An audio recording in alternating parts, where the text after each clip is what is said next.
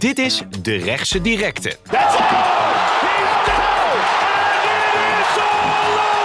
De vechtsportpodcast van De Telegraaf. Met Lars van Soest en Wilson Boldewijn.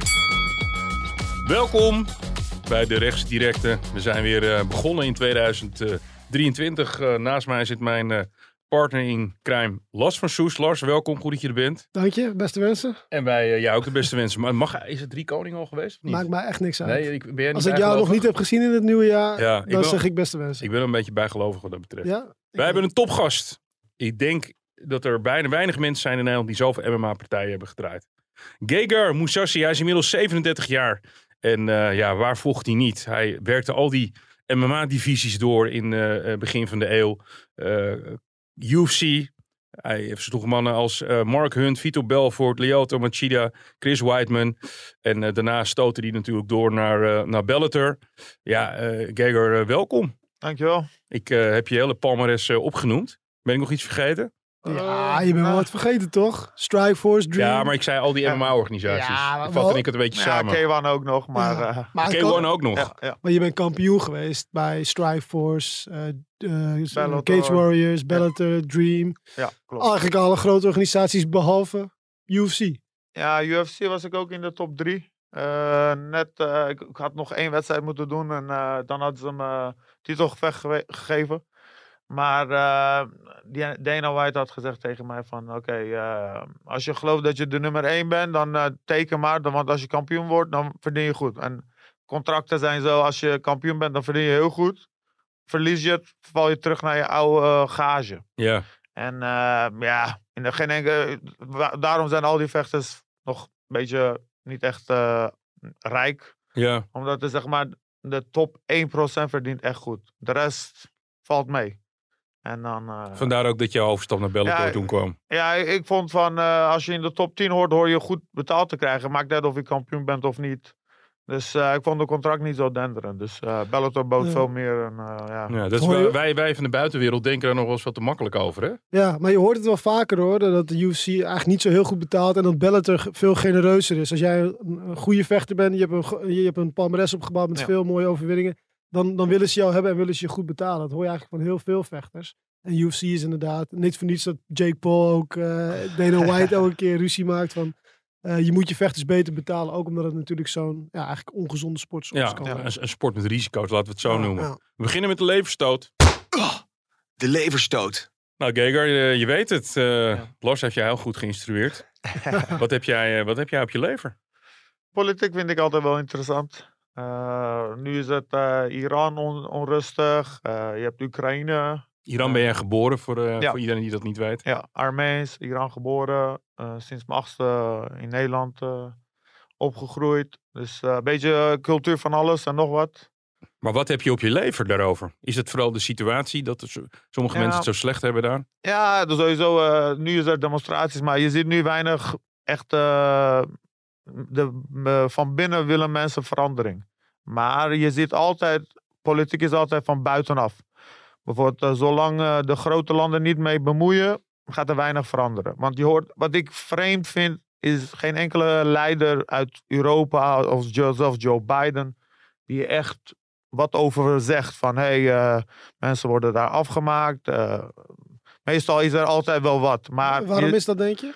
Nou, omdat, eh, omdat ze niet willen dat het regime nu verandert. Het is gewoon, eh, vind ik, denk ik. En wordt, eh, als het regime wil veranderen, is er altijd buiten, invloed van buitenaf. Ja. En- wo- ontstaat er misschien een onzekere geopolitieke situatie. In Ja, bijvoorbeeld Syrië vind ik ook altijd zo vreemd dat ze zeggen, ja, demonstranten pakten wapens op. Dan denk ik bij mezelf, ze zijn goed georganiseerd, ze hebben wapens, ze hebben geld, ze hebben training. Dat kan, dat, ja, je kan niet zomaar tegen de regering vechten. En dan Nee. denk ik bij mezelf, ja, hoe geloofwaardig is dat? Ja, wordt er ook niet beter op als het eh, op die Ja. manier gaat. Ik wil, ik wil niet een hele geopolitieke discussie met je aangaan. Maar, je, maar het Iraanse regime houdt het al heel lang vol, hè?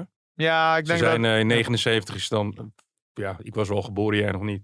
was de revolutie. Ook Ja. niet bewust meegemaakt hoor. Ja. En, to- en sinds die tijd zitten ze er. Dus ze hebben het wel heel stevig in handen. Ja, ze zijn ook eh, een stuk slimmer. Eh, en eh, ze hebben van hun fouten geleerd. Van, want eh, wat ik heb gehoord, eh, maar eh, toen uh, Khomeini aan de macht kwam, heeft hij ook al die mensen die de Shah hebben verraden, heeft hij vermoord. Ja. Want hij heeft gezegd van, nou, jullie kunnen dat eh, bij hem doen, dat kunnen jullie ook bij mij doen.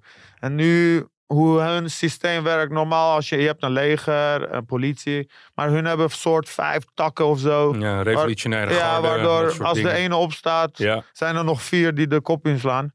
Dus, eh, die controleren elkaar allemaal. ja, ja, ja, dus het zal niet heel makkelijk regimeverandering komen, tenzij het echt van buiten georganiseerd en andere landen mee Maak je bemoeien. nog, ja, je zei het al, geboren in Iran. Maak je er nog zorgen om misschien familieleden? Of eh, hoe kijk je daarnaar? Ja, ik heb familie daar, ook in Armenië. Armenië was ook on- onrustig, eh, tuurlijk. Maar eh, Nagorno-Karabakh, daar is Ja, altijd dat over. ja. Altijd En, eh, oorlog. eh, altijd, ja. Het hoort officieel bij eh Kazachstan? eh, Kazak- Nee, nee, eh, Azerbeidzjan. Azerbeidzjan, ja, en sorry. eh, toen was het zo ingedeeld. Maar Armeense bevolking woont daar. En dat is ook altijd een gedoe, altijd heen en weer oorlog. En eh, ja, Hm. moeilijk, moeilijk. Politiek is dit- altijd... Het is wel een beetje de grootste levensstoot die we ooit hebben gehad, Ja, niet? wel interessant. Ja, maar nu zie je wat er achter de vechter schuil Ja, ja. gaat. En ja, jij bent op achtjarige leeftijd hierheen gekomen. Ja. Kun je dat nog herinneren hoe dat was? Eh, ja, de eerste asielzoekerscentrums. Eh één, anderhalf jaar daarna kregen we een soort Roja-huis. Dan, wacht je af totdat je status, eh, of je mag blijven of niet. Eh, onzekere tijden. Want uite- uiteindelijk kregen we generaal pardon. eh, omdat we zo lang in Nederland waren, acht jaar lang. Zeiden ze van, nou, jullie mogen wel blijven. Ja, dus dat was wel fijn. want jou, je, voor de goede orde, jouw ouders zijn echt uit Iran gevlucht als vluchtelingen Ja, gevlucht. Nou, dat is het ding. Ja, ik kan nou een heel ander mooi verhaal maken. Maar ik weet niet, een of andere reden. Mijn vader besloot, we gaan naar Nederland. Ja, Ons verhaal was zo. Mijn vader dacht Europa, want je hoort reclame toch? En Toen was er geen internet. De, de ene plakt een ander verhaal bovenop. En ze maken het zo geweldig. ja. mond-op-mond reclame. Ja, mond-op-mond re- reclame. En eh, mijn vader had gedacht van, nou, Nederland is, eh, klinkt heel leuk. We gaan daar. Maar we kwamen daar, geen idee dat je moest vluchten zelfs. Dat je, dat je Ja. leven in gevaar moest zijn of met een politieke reden. Toen waren we daar aangekomen. En eh, ze hadden verteld van, nou, wat is jullie case? Van, eh, waarom zijn jullie gevlucht? Mijn vader zei, ja, we, we zijn gewoon hier geko- gekomen. om- We willen hier We wonen. willen een beter leven. Ja, we willen een beter dat leven. ook. Meer kansen. Maar, maar we hadden het niet heel slecht in Iran. Eh, Mijn vader werkte, mijn moeder huisvrouw. Jullie waren economische vluchtelingen, eigenlijk. Mm, ook niet echt. Want we hadden het niet slecht op zich. Nee. Maar mijn vader, ik weet niet wat voor reden, had allemaal reclame gehoord. van Nederland is prima, Nederland is beter leven. Nou, laat het bepaalde Ja, politieke het- partijen maar niet horen dit. Want eh, dat is koren op de molen. Maar ik waardeer je eerlijkheid. Ja. Hey, laten we even beginnen met het nieuws. Want jij mag je volgende eh, partijen bij ons eh, bekendmaken. Eh, tegen wie ga jij het opnemen met Bellator? Zeg maar. Fabian Edward, Fabian Edwards. Ja. De broer van. de broer van Leon. Edward, Eh, UFC-kampioen, hè? Onlangs kampioen geworden. Eh Fabian wou altijd al tegen me vechten, maar toen was hij ongeslagen. Dat is ook iemand met grote mond. Ja, nu eh, in Parijs, 12 mei. Dus eh, dat is ook een goede, goede gevecht om weer terug te komen. De laatste wedstrijd verloren. Dus ik denk qua stijl past het ook veel beter. Staande jongen. En, ja, goed om terug te komen en dan eh, kijken hoe verder het gaat. Ja, want het is ook meteen een title eliminator, hè, zoals dat heet. De winnaar Uh, van jullie vecht eh, meteen weer om de titel. En dat is voor jou denk ik belangrijk. Want ja, je laatste partij, je zei het al, heb je verloren. En het was een titelpartij. Je verloor daar eigenlijk je Ja. titel, hè? Ja, klopt. Eh, ik denk waarschijnlijk een titelgevecht hierna, maar dat weet, dat weet je nooit zeker. Het probleem is, ze hebben niet heel veel grote namen. Dus ja, voor mij, voor mij is dat goed. Ik Bedoel je, bedoel je Bellator heeft niet veel groter namen? Nou, middleweight niet. nee. Light heavyweight, heavyweight, ze hebben een paar goede jongens. eh, lichtere gewichtklassen ook. Maar middleweight hebben ze nou, missen ze echt grote namen. Dus voor mij is dat wel, eh, komt dat goed van, goed van pas. En dan kan ik weer snel eh, voor de titel Ja, vechten. ja, er zijn wel een paar, je zegt misschien niet zulke grote namen, maar er zijn wel gasten zoals Austin Vandervoort, Ja. die, die je verslagen hebt. Die was ook ongeslagen. Ja. Nou, Fabian Edwards dan. Het zijn toch wel gasten van niveau, Ja. toch? Castello heb je ook daar. En, Costello, je, hebt wel, ja, je, hebt, je hebt goede jongens, alleen hun naamsbekendheid is Ja. niet zo groot. Ja. Waardoor, nou, je wilt toch een partij verkopen. Dus eh, dan, dan krijg ik misschien, wat, wat ik vroeger niet de kans kreeg, wat eh, Michael Bisping kreeg en eh, Dan Henderson kregen die titelgevecht.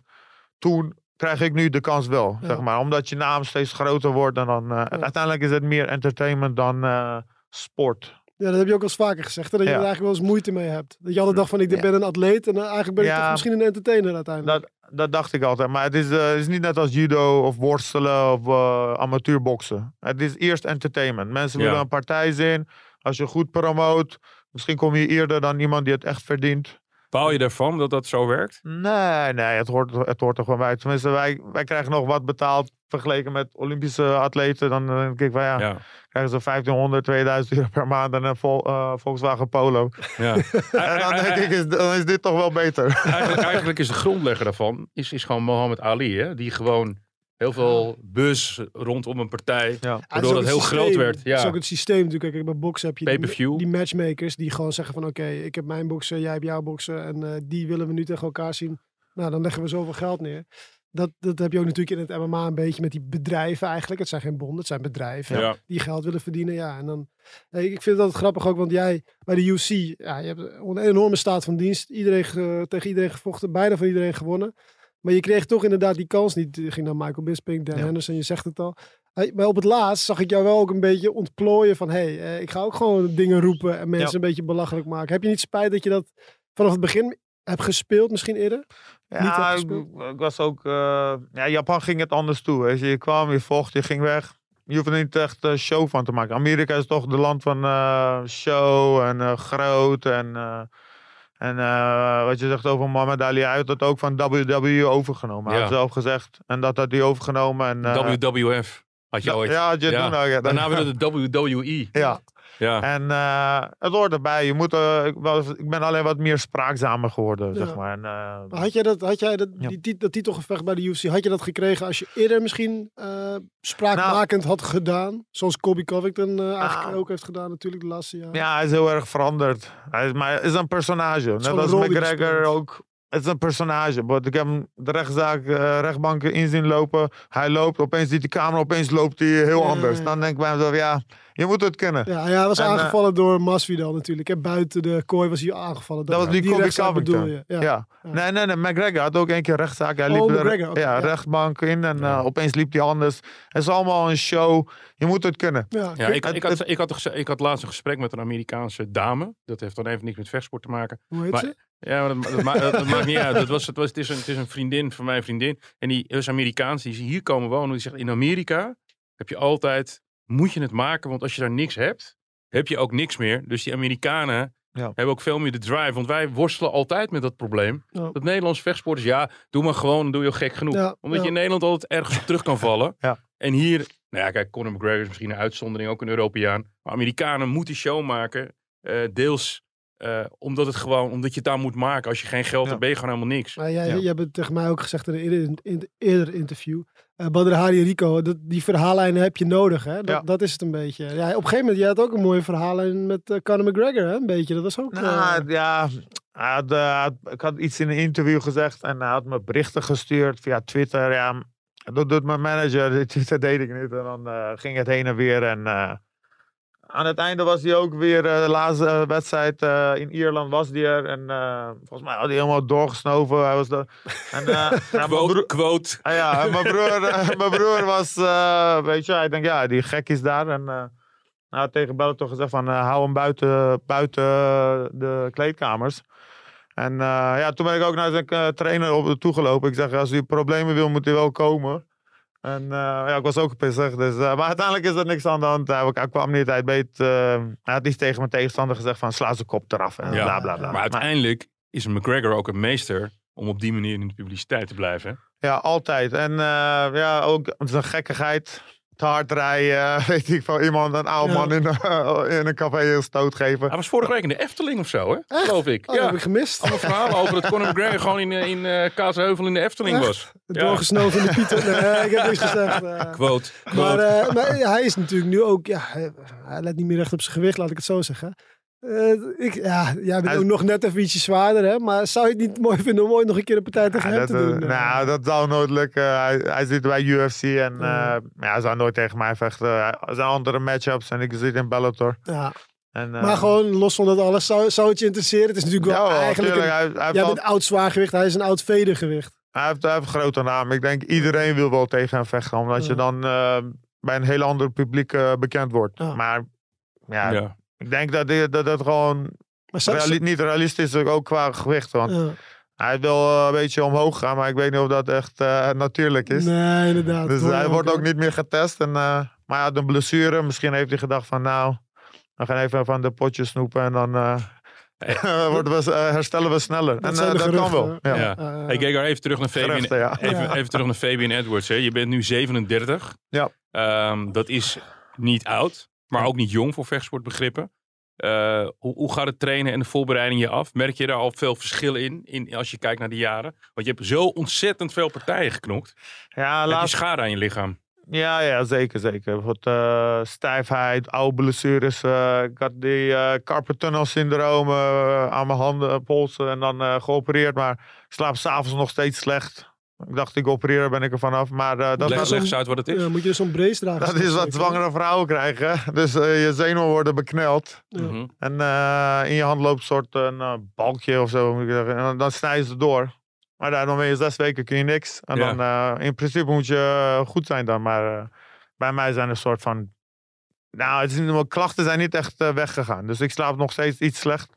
Maar eh, ik loop je- bij een goede je fysio. slaap, in je slaap trekt het naar binnen of zo, toch? Nou, dan, eh, dan gaat je hartslag omlaag en eh, minder goede doorbloeding. En dan Ja. valt je hand in slaap, waardoor je wakker wordt. Je moet je hand weer bewegen en dan, ja, dan ben je weer wakker. En dan als je dat vier, vijf keer doet, heb je geen goede nachtrust. Ja. Dus eh, dat zijn dingen die ja, als je ouder wordt minder leuk maken. Het afvallen, het weight cut. Afvallen, ik woog 103, ik ben afgevallen naar 99. Maar eh, afvallen dat gaat uiteindelijk wel lukken. Maar dan Ja. heb je ook, dat vind je ook niet meer zo leuk, denk ik, op een gegeven Nou, moment, toch? maar ja, als je het heel zo vaak doet, is het wel Ben je er irritant. wel aan? Ja, is wel irritant. Maar, ja, Je bent gretig nog. Nou, ik heb wel zin in. Want zeker omdat ik na een verliespartij denk je van oké, ik kom even terug. Ik laat even nog zien eh, wat ik kan. Dan, eh, Hoe, hoe- wat doe je nu anders in je voorbereiding dan pakken bij tien jaar geleden? Eh, ik moet nu wat slimmer trainen. want- Maar ik heb ook nu een lang tijdje niet gevochten tot ik vecht. is bijna elf maanden. Ja, Eh, 2022 was ja, de partij en- in Amerika. Ja, en ik ben niet iemand die doortreedt als, als ik geen wedstrijd heb. Dus ik kom aan. Niet even home trainen thuis en gewoon even voor de tv op gaat zitten. Ja, ik doe het wel af en toe, maar eh, ik hou van eten. En eh, op een gegeven moment, ja, dat, eh, eigenlijk moet ik altijd fit blijven. Ja. Wat, eh, wat Rico Verhoeven eigenlijk wel goed doet, hij is het hele jaar door fit. En eh, bij mij yo-yo't het. Ja. En, maar ja, Wel ik wil, ja, maar ik wil gewoon het liefst fit blijven. Maar ja, dan geven ze een wedstrijd. Dan heb je zes maanden niks. En dan eh, het is zo... Op een gegeven moment de motivatie is minder. Ja. Als Is- ik maar is het- wedstrijd zijn heb... die ups en downs qua trainen dan niet moeilijker naarmate je ouder wordt ook? Ja, ja, klopt. Ja. Ja. Daarom wil ik altijd een beetje fit blijven. Maar ja, als ik zes maanden geen wedstrijd heb, dan, ja, dan denk ik ook, ja, ik ga lekker doelloos eten. is het dan. eh, Ja, ik ga lekker eten, ik ga op vakantie of zo. Ja, ik snap het, ik snap het. Maar jij hebt volgens mij nog nooit twee partijen achter elkaar verloren, toch? Nee, nee. Dat is op zich een goed teken. Ja, ik hoop het. je- weet het nooit. eh, maar eh, ik hoop, ja, ik hoop, ik, ik moet van deze jongen kunnen winnen. Nee, want ik zit nu heel even op de palmarès te kijken. En we hebben net even gecheckt Ja. op Wikipedia. Dat is inderdaad, jij hebt eigenlijk zo ontzettend veel partijen achter elkaar gewonnen. Als je echt jouw winningstreak ziet, die zijn echt gewoon heel erg lang. Dat is wel bijzonder. Ja, nou, bij Vooral, mij, vooral in MMA, waar je toch, waar het, zit in een klein hoekje soms. ja, in MMA kun je op veel meer manieren verliezen. Ja, dus als precies. je tegen goede jiu-jitsu jongen komt te staan, nou, die doet er vanaf zijn achtste. Ja. Nou, vanaf mijn achtste heb, heb ik niet, niet zitten judo, eh jiu-jitsu te, te doen. En Nee. daarom, de kans om te verliezen is groter dan bijvoorbeeld wat je met boksen, kickboxers hebt. Het is Ja. één discipline en eh, ja, daarom zie je ook wat meer verliespartijen in die. En maar, boxers worden heel erg goed gebracht. Begin van hun eh, carrière vechten ze tegen jongens met Ja. één gewonnen, vijf verloren. Er worden echt eh, ja, Opgebracht, eh, ja. cv wordt opgebouwd van eh, je hebt 20 partijen gevochten, 20 gewonnen. En Ja. dan kunnen ze echt dat geld gaan Ja, natuurlijk. Ja. Ja, ja. We gaan zo even doorpraten over jouw eh, carrière. We gaan gewoon even al het algemene vechtsportnieuws doornemen in een rondje sparren. Tijd voor een rondje sparren. Hey Lars, het grootste nieuws is dat er eh, aanstaande donderdag, dat is 12, de 12e? Nee. Ja. Ja, dat is 12e. Vandaag. Eh, We, ne- we nemen haar woensdag op, maar We nemen we- woensdag hij komt op. donderdag online. vandaag, vandaag. Vandaag. Lars, persconferentie eh, van Glory. En dat kan uiteindelijk maar om één partij draaien. Het gaat over Collision. Ja. En dan moeten we bijna wel vaststellen dat wie de ring in gaat. Ja, het kan bijna niet anders dat het om Rico Verhoeven gaat. Hè? Want er wordt ook een Rode Loper event georganiseerd rond die persconferentie, eh, zag ik op de uitnodiging. Dus ja, dat, Dan moet welk- je, voor welke andere vechter dan Rico Verhoeven doe je dat? Ja, Dus nou, Rico Verhoeven vecht. dat deed je voor. Badrari. Dat deden ze voor Badrari ook. Maar eh, ja, het is, het is al een soort van aangekondigd. Rico gaat in het voorjaar vechten. Dus die wordt morgen aangekondigd. En dan kan er maar één tegenstander kan er zijn. ook maar één tegenstander zijn. Antonio Plazibot waarschijnlijk. eh, de nummer één op de lijst. Alistair Overeem, ja, die, eh, die, die, was de gedroomde tegenstander van Verhoeven. Die zouden al eerder tegen elkaar vechten. Die partij zouden dan nu moeten komen. Maar ja, die, eh, ja daar horen we eigenlijk niks meer van. Sinds, Nee, eh, die heeft waarschijnlijk zijn beestalen contra-onderzoek van zijn doping. Moet hij hebben.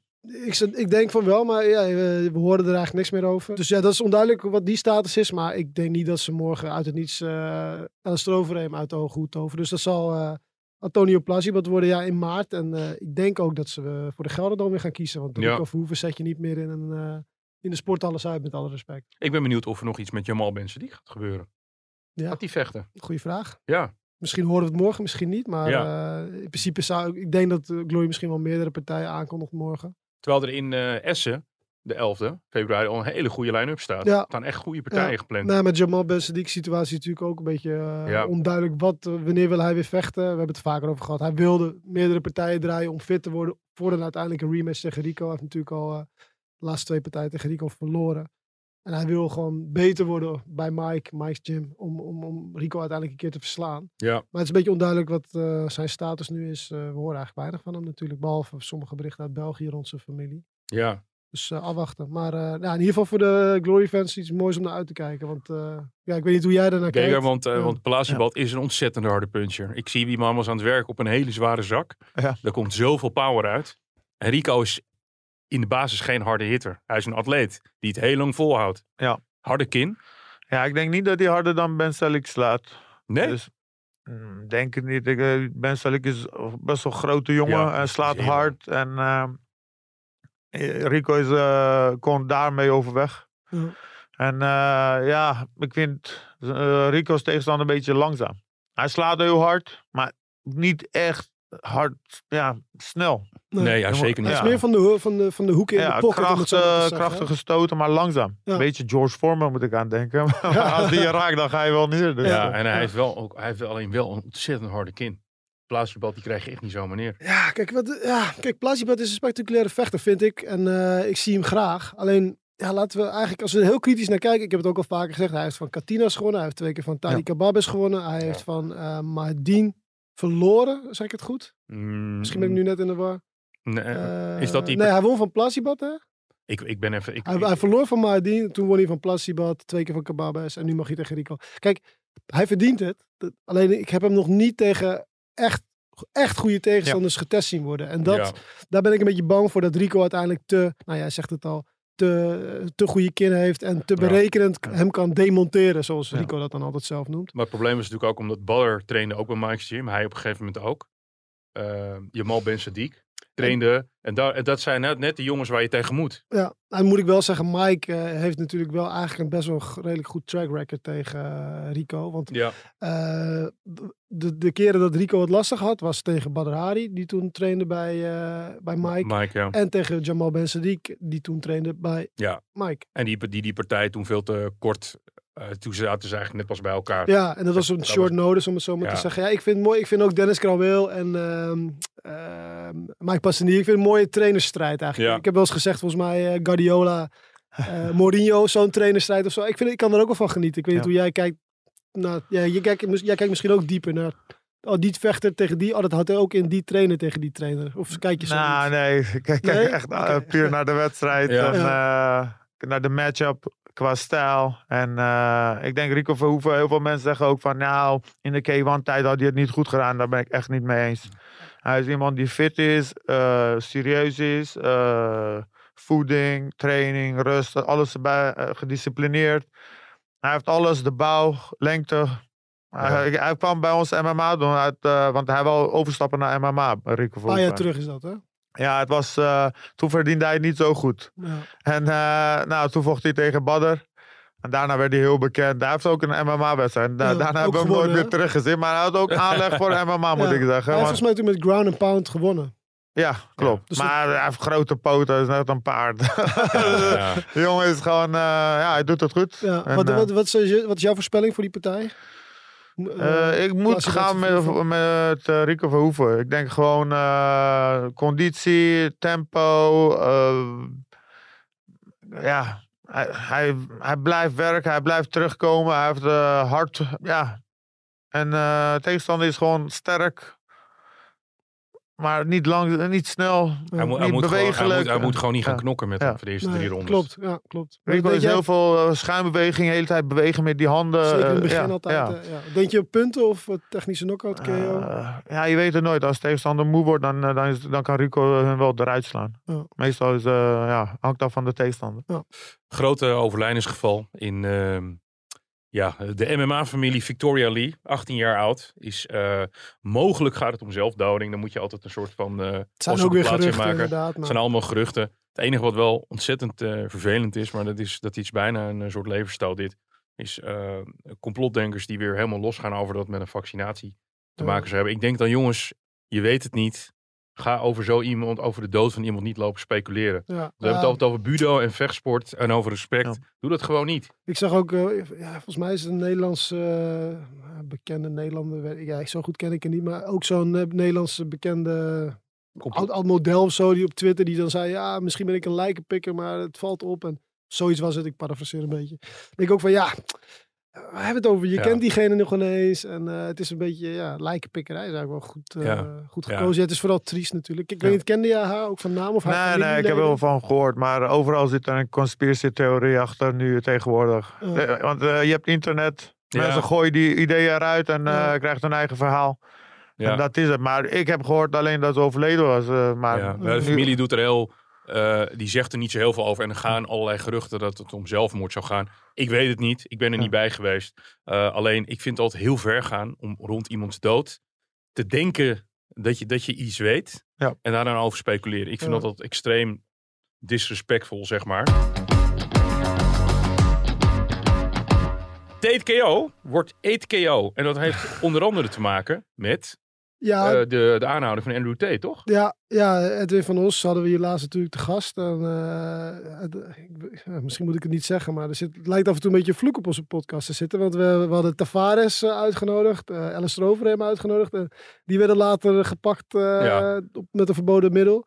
En nu hadden we Edwin van Os te gast, de man achter eh TKO. eh, en eh, nu werd eh, zijn partner, het is geen... en Ze, ze zouden samenwerken, maar geen aandeelhouder. Maar ze zouden samenwerken op het gebied van social Ja. media. Die is opgepakt. Maar jij vroeg hem ook, jij vroeg Edwin wel al naar het risico.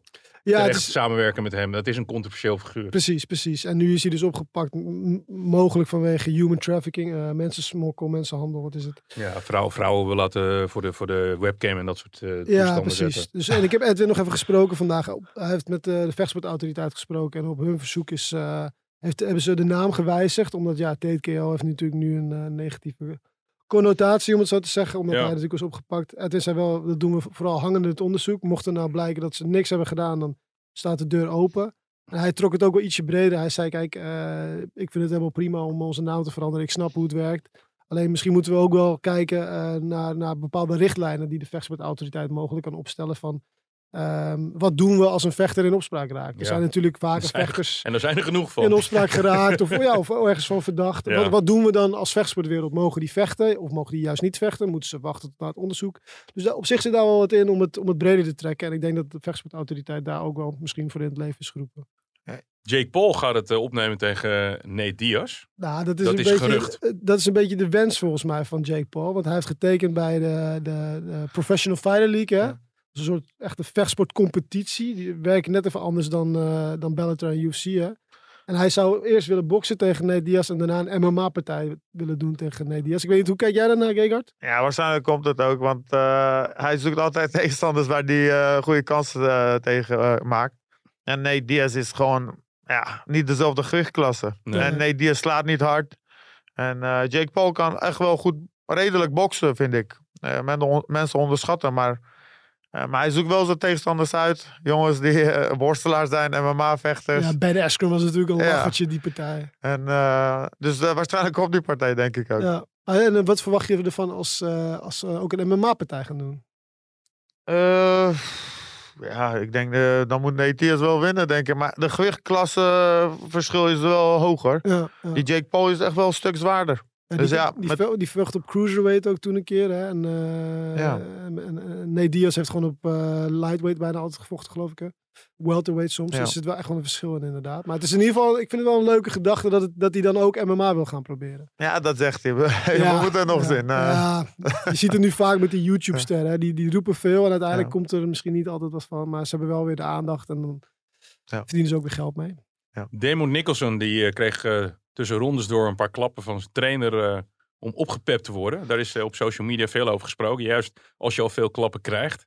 Wat vind jij van die tactiek? Ja, bij de ene vechter helpt het misschien, maar bij mij niet. Eh, als, als ik een trainer heb die schreeuwt, dan denken we, ja, daar kan ik niet tegen. Maar sommige jongens hebben het wel nodig, maar bij mij werkt het niet. Maar Maar vind je het kunnen, überhaupt? Mag een ik, trainer ik, ik zoiets heb doen? niet gezien hoe hard hij slaat, maar eh, misschien Ja. even eh, een kleine klap. eh. Het waren relatief harde bitch slaps, om het zo maar te zeggen. Ja, oké, nee, Ja. dat zou niet. eh, ik Ja. zou het niet uh, aankunnen, zoiets. Je, wat- je, ik je hebt natuurlijk vechters die best bang zijn in de ringen. Die gewoon denken van, ik wil gewoon neergaan.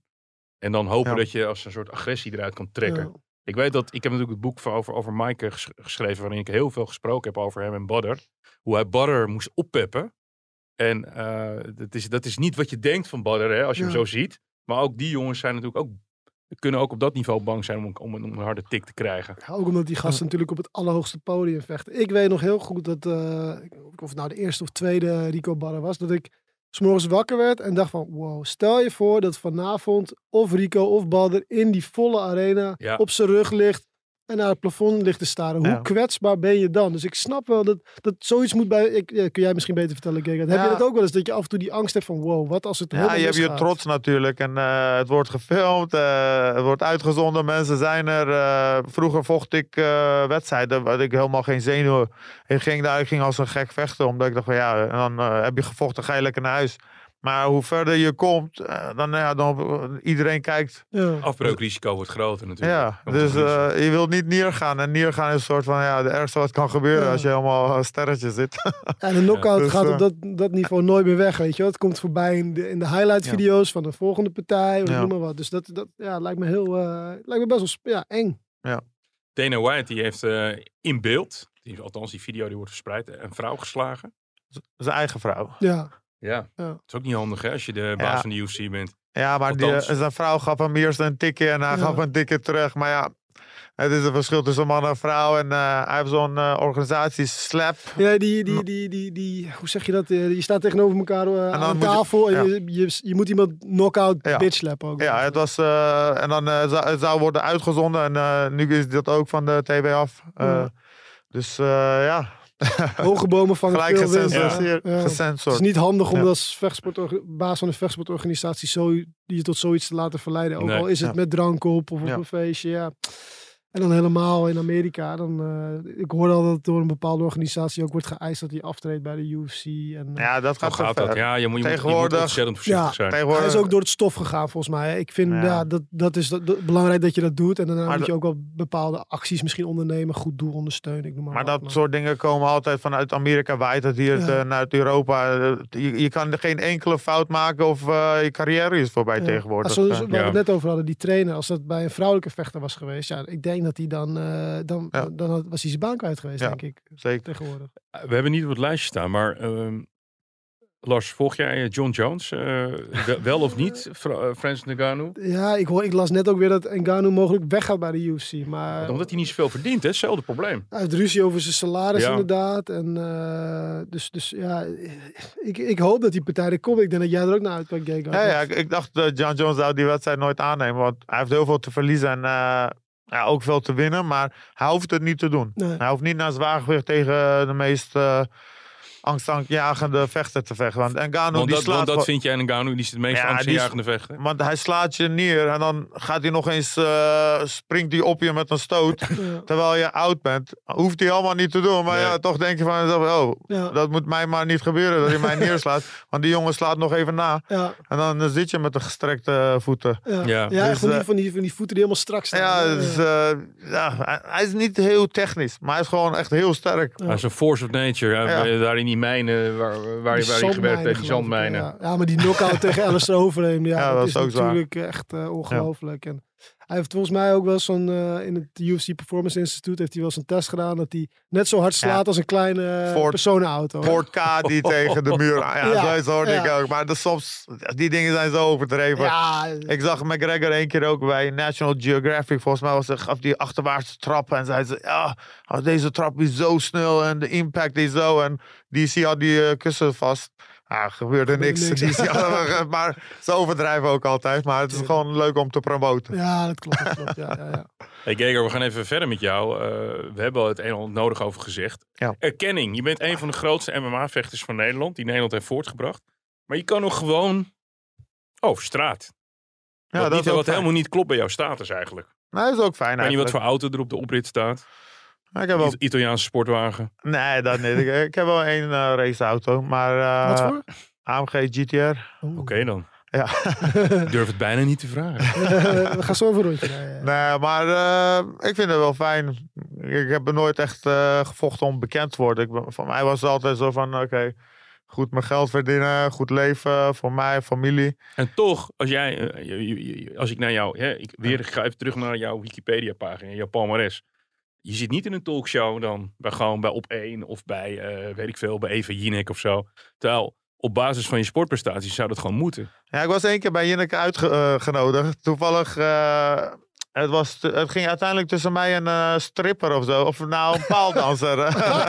en uiteindelijk de paaldanser eh, kwam op kan, tv. toch, dat kan toch niet? Ja, weet je, het Ik was weet niet wat die paaldanser had wereldkampioen, gedaan. maar- wereldkampioen paaldansen. Dus Ja, eh, dat maakt wel verschil. Who cares? Ja, ik weet het niet. Maar ik ben wel bij Pauw geweest. En eh, Ja, ik ben ook niet iemand die echt de media opzoekt. eh, maar dus- daar, zit wel het, eh, daar zit wel het geld.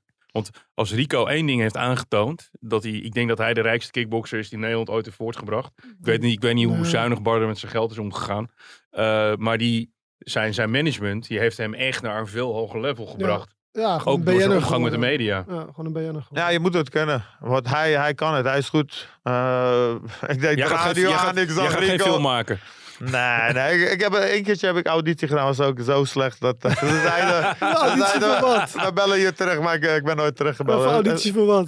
Van God los de tv-serie. Oh, oké, oké. Ik moest de trainer eh, spelen. Die, eh eh, die kook had gevonden in de kleedkamer. Maar De, die, die serie van Van God Los. ja, van ja, ja, precies. ja. Nou, ik werd niet gebeld. Maar het heeft natuurlijk ook te maken dat je hè, uiteindelijk bij de UFC kreeg je nooit dat titelgevecht. Eh, dat heeft jou natuurlijk ook, eh, hè, terwijl je dat op basis van je trackers wel had moeten hebben. Dat heeft je natuurlijk ook gewoon in de weg gezeten.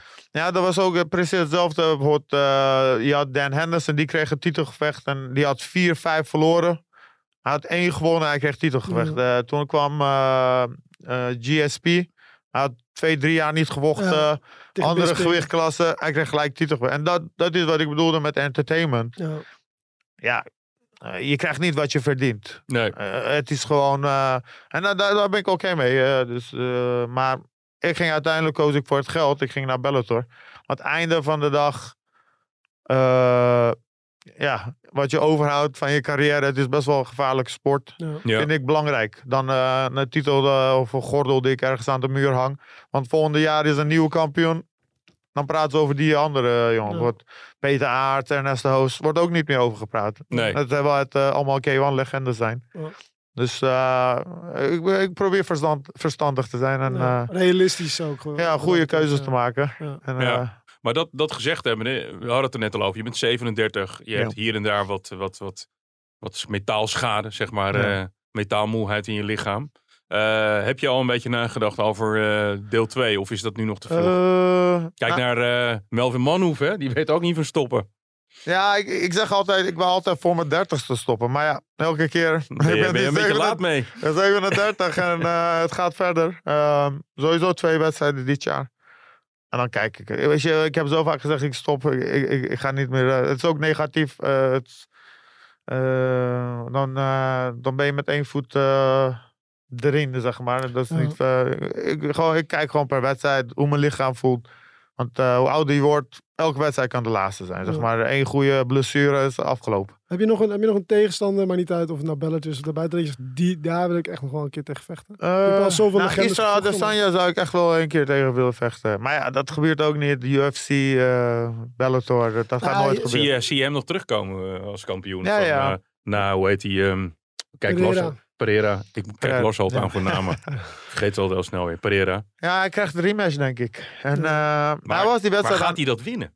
hij was die wedstrijd Pereira aan het winnen. En in kickboksen zat hij, vocht hij ook tegen Pereira. Ja. En hij was hij ook aan het winnen. Maar die jongen die zet zoveel druk, die blijft komen. Die weet van, oké, ik sta achter. Uiteindelijk krijg ik, ik hoef maar één stoot of twee goede stoten. Die jongen blijft komen. Uiteindelijk maakt hij je moe. Want die jongen is Maar gaat echt- hij ook een rematch doen. Ja, want die jongen is heel zwaar. Ik, ik heb hem eh, fo- foto's in 105 kilo. Ja. Hij valt af naar 84.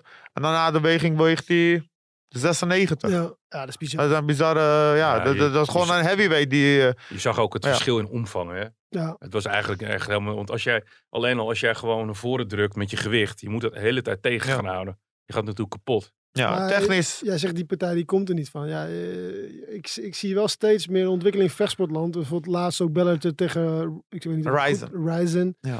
Eh, dat die gewoon echt nou, onze beste vechters tegen jullie beste, beste vechters in Japan. Op, eh, wat was Ja. het? Was het oud en nieuw of kerstavond? Oude nieuw, ja. Ja. Ja. Je ziet het wel, je ziet het bij Glory, maar ik, ik begrijp wat je zegt. Ja, UFC beschermt zichzelf. Eh, UFC zou dat eh, nooit doen. Want UFC wil niet eh, andere organisaties bekender maken. Het is echt... eh, Ze hebben er ook niks veel, aan. ja, heel veel ook eh, Pride hebben ze gekocht, lieten ze doodgaan. eh Strike Force, ze nemen vechters over. Maar Ja. ze zijn nooit van plan om samen te werken. Want dat hebben ze ook niet nodig, want ze zijn de grootste. Ja, ja en het is hebben alleen maar het risico dat een topvechter verliest van een Ja, andere organisatie. En dan, eh, Dat is niet goed voor hun eh, naam. Nee, precies. Ja. Maar het, is- ja, ik, ik vind het wel een prikkelende gedachte. Ja, ja, ik- ik zou Mousasi tegen Israël. Dus Ja. ja. wil ik ook wel zien. Dat zou wel een leuke wedstrijd zijn. nog één ook over eh Reinier de Ridder. Hè? Ja. Eh, Daar train je ook vaak mee. Kun je Ja. over jullie band eens, eh, eens wat vertellen? Ja, ja, hij traint al jaren met ons. hele goede jongen. Jiu-jitsu echt ongelooflijk. Hij tikt je echt wel af. echt op wereldniveau op de grond. En, dus ja, helaas laatste wedstrijd verloren. Maar ja, hij was double champ. Kun je, kun je Maar- vertellen over jullie trainingssessies ook samen? Want het gaat er volgens mij Ja. vreselijk hard aan toe als ik het... eh, nou, staande zijn we wel, kijken we wel uit. Want we, we willen elkaar niet blesseren. Op de grond is het gewoon niet leuk. Ik vermijd hem als ik niet hoef. eh. want hij tikt je af en eh, dan- baal je echt heel veel. van. Ja. En, eh, maar eh, nee, nee, goede trainingsmaat. Eh, we hebben een goede Gokan, eh, Castello, Bellator jongens, Reinier, ik. We hebben echt wel een goede team hier in Nederland. Ja, want jij hebt volgens mij een, een, een, een gym in je achtertuin, hè? In, een, in een garage of zo? Hoe, Ja, we zijn nu verplaatst naar een Oké. industrietrein. Ik heb nu daar mijn gym. eh, Gewoon privé gym. Komen Ja, want- jongens. ja, want Je komt niet meer bij Kopsje? Kopgym training wil ik ook weer gaan trainen. Maar sinds corona heel veel veranderd. Ja, veel jongens zijn weg. Hè? Ja, heel veel jongens zijn weg. Ook eh, corona heeft niet goed gegaan. Eh, pff, ik ging anders trainen. Gewoon eh, dingen veel veranderd. Maar ik ben wel van plan om één keer in de week toch even bij Kops te gaan trainen. Ja. Want eh, het deed me wel echt goed. Ik trainde toen twee, drie keer eh, in de week. Wat, En, wat, doet, wat doet jou goed als je bij Kops traint? Nou, het was, eh, er waren veel staande jongens. Ik deed twee keer staande en s s'avonds worstelen. En eigenlijk moet ik dat weer allemaal gaan doen. Maar sinds corona ja, ik train ook anders. En dat heeft een beetje verpest klinkt een eigenlijk. beetje alsof je een motivatieprobleem hebt. Het is niet echt eh, veelbelovend richting die volgende Nee, partij. nee, nee. De volgende wedstrijd gaat zeker lukken. Eh, zodra ik de knop omdraai, dan, dan kan ik gaan. Oké. Oké. En, eh, maar het is gewoon, sinds corona is het wel veranderd. eh. Noem, noem nog even één, keer- één keer de datum voordat ik jou de allerlaatste vraag ga stellen. 12 mei 12 mei in neem je het op Parijs. tegen Edwards. De knockout. De knockout.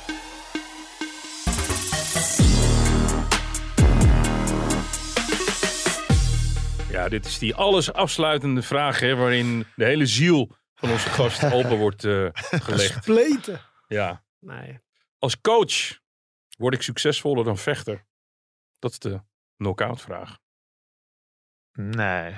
Ja, als ik klaar ben, ben ik echt klaar.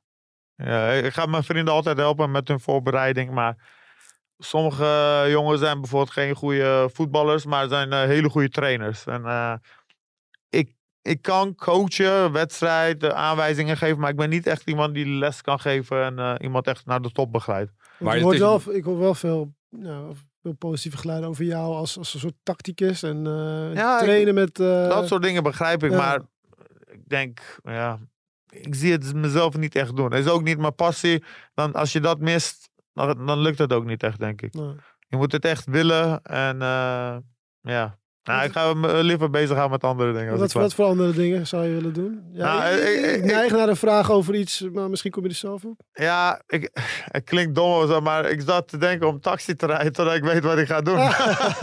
klinkt raar, Ik maar kan me voorstellen, jij bent gewoon een automan. Houdt van ja, ik hou van auto's. Ik dacht bij mezelf, eh, dan ga ik een beetje een jaartje doen of zo. Gewoon voor de lol. Ik, eh, mensen denken, hij is gek. Maar eh, totdat ik weet wat ik ga doen, want ik, ik heb echt geen flauw idee wat ik ga Ja. doen. Maar je hebt Nee. het ook wel eens gehad over, Gewoon voor de eh, lol, hè?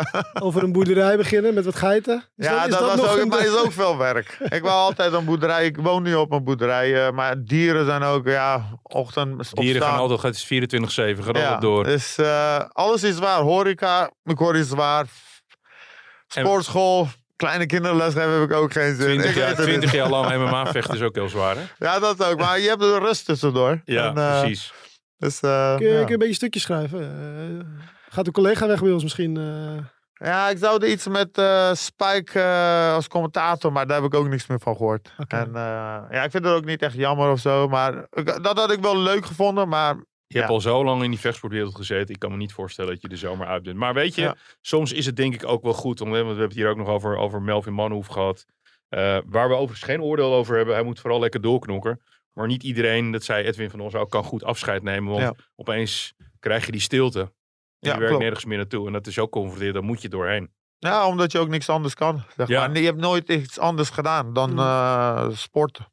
Beangstigt het jou dat ook misschien een beetje? Dat je zegt van ja, wat moet ik naar mijn carrière? We hadden het er net over, over je, je hebt niet echt een opleiding afgerond, hè? dat was niet echt aan jou besteed. Beangstigt de toekomst jou misschien een beetje? Nou, ik, ik heb wel vrienden. Ik, heb, eh, ik, ben, ik, ik hou me wel bezig met leuke dingen. Maar alleen ja, je moet wel een doel hebben. En eh, dat is het. Ja, ik moet een doel hebben hierna. Ja. Dat is het probleem. Ik weet niet wat. Ja. Het is wel, je- wel tof dat je zo eerlijk erover bent. Want Ja. je hebt ook van die mensen die hebben al een heel pad uitge, uitgerold. En soms moet je het ook maar ervaren, toch? Ja, zeker. soms zeker. kunnen dan de mooiste dingen ontstaan of op je pad komen. Hè? Dat, eh, Ja.